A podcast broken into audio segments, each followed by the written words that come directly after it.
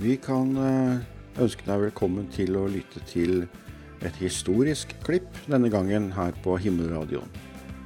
Vi snakka med Isak Øvrum, en eh, kjent skiensmann som, eh, som er borte nå. Men vi prata med han i 1993. Jeg tror det var høsten 1993. Han snakka om Midtøsten og Israel. Og Det er et evig tema som vi nå skal få høre litt mer om i denne samtalen. Jo, jeg har vært, hatt noen Israel-program. Ja. Vi har hatt, uh, Sammen med Arne Rui hadde vi en liten serie også noen år siden. Det, Grenland Radio, ja. Akkurat. Og det er ikke lenge siden du har uh, vært her nede nå igjen. Forresten, jeg må spørre deg en annen ting. Hvor gammel har du blitt? Jeg er 84 år. Du blir snart 85, tror jeg. Jeg blir snart 85, ja. ja. Og Israel, de har du vært interessert i i mange år, forstår jeg. Ja, helt siden jeg var liten gutt. Hva var det som eh, fikk deg til å tenne på dette med Israel helt siden du var gutt? Og det er jo en del år siden? Ja, det er mange år siden. Jeg var fire-fem år, fem-seks år. Jeg var med mora mi på en, på en misjonsforening, da. Og da talte en bomme som heter Nils Nærum. Og det kommer jeg aldri til å glemme. Han sa, han sa Og en gang skal Israel vende tilbake til sitt land. Men de sa han med sånn fin stemme som brant seg fast i meg. Og etter hvert så dukker tanken opp får jeg oppleve det? Og så hørte jeg Albert Hjort, da. To ganger i har jeg hørt liv. 16. mars 1940 talte han på Betania her borte i Skien. Jeg kom aldri til å glemme det. For han forutsa, men det er, så, det er et langt lerret det å komme gjennom det. Men han gjorde et veldig inntrykk på meg. Han talte Israels sak og forutsa det som kom til å komme. Så kom krigen, så kom tyskerne hit, og han ble arrestert. Satt på Grini, men overlevde og talte på Porsgrunn kino høsten 45. Han, da sier, ja, snakka han om Israel og den utviklingen som var. Bilder fra kibutzlivet. Og så sier han noe som også satte seg fullstendig fast til meg da. Og han sa Og jeg tror at dere som er unge her i dag, og opplever staten Israel. Jeg kan så godt huske min reaksjon som skulle være i går. Å nei. Det har jeg hørt. Det har jeg holdt på med et par tusen år nå, så det får jeg nok aldri oppleve. Men selv døde jo han da Det var bare i 46 og fikk ikke oppleve det. Men i 1948, 14. mai, 15. mai, sto i det verden da. Ser det for meg enda. Staten Israel proklamert. Og siden, Jeg har fulgt med hele tida. Og under krigen også, naturligvis. Diskuterte med en nazist rasende på jødene og sa det er djevelens barn. Det står i Bibelen, sa han. Men jeg husker jeg svarte at hvis Hitler vinner krigen, da er ikke Bibelen sann. Sa du det til han? Det sa jeg til han. Du var ikke redd for å Nei, jeg var ikke redd for å si det, for at han var avhengig av meg. Så jeg hadde litt tak på han. han var, jeg, visste, jeg, visste, han ville ikke gjøre meg noe, for det, at, uh, det ville gå utover han sjøl, da. Så sikker var jeg. Så du har, eh, du har, fulgt med Israel og utviklinga der eh, siden den gangen. Og de siste ukene nå så har det jo vært eh, Ja, det har vært stor, alvorlige tider. Mye problemer og krig og mange døde. Og, ser du en utvikling her? Ja, det er Altså, Koranen lærer jo at Israel er utsletta for evig alltid. Og de har jo bygd den Omang-moskeen, som bilder av mange ganger, ja. som et minnesmerke over at de har seira over jøder og kristne. Og så lenge Israel eksisterer, så er ikke Koranen sann. Det er det som er problemet, det. Er det bevist, altså? Står det i Koranen? Ja. Det, det, ja, det, har jeg ikke lest, for det interesserte meg ikke så veldig, for det har jeg hørt så mange ganger. Men jeg ble jo helt forskrekka av hva Koranen lærer, da.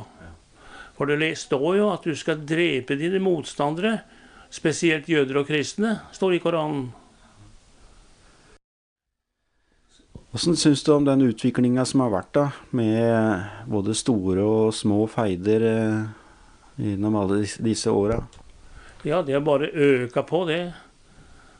Jeg, da jeg var der for første, for første gang i 1969, da Like etterpå altså, Jeg snakka med en, en kibbutz, en dansk jøde, og som kom inn på situasjonen, og da sier han allerede da at de har bestemt på at de skal myrde én million jøder.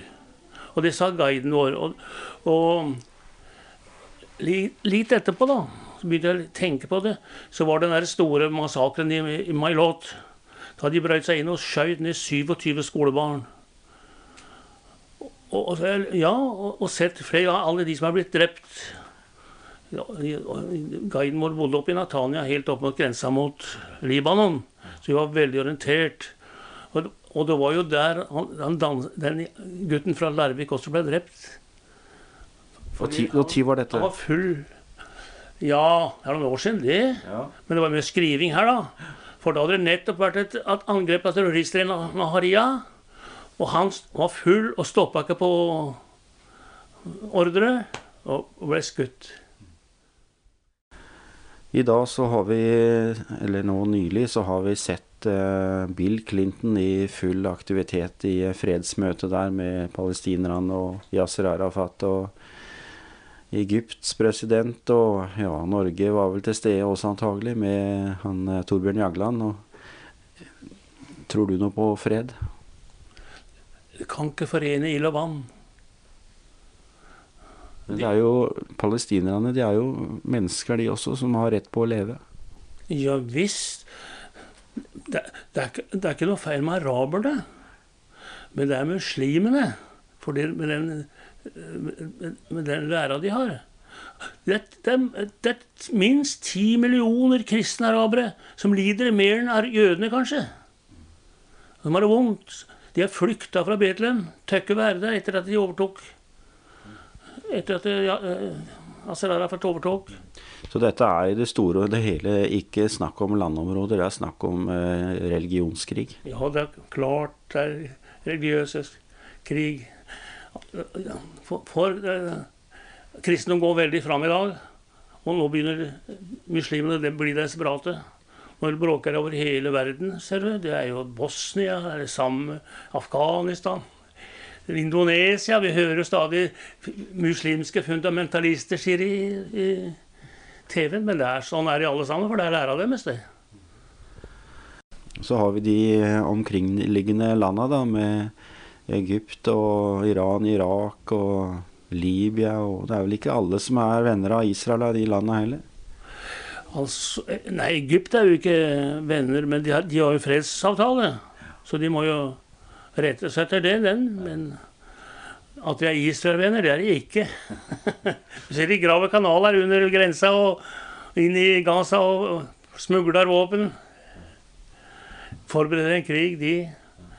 Jeg har hørt at uh, andre, f.eks. Eh, Iran og Irak, prøver nå å bli godvenner igjen med tanke på én ting, nemlig å slå Israel. Kan det være noe i det? Altså, Det er jo så mange fraksjoner når det gjelder muslimene. Og de er veldig vanskelig for å gå sammen, de. Men én ting er du enige om, da.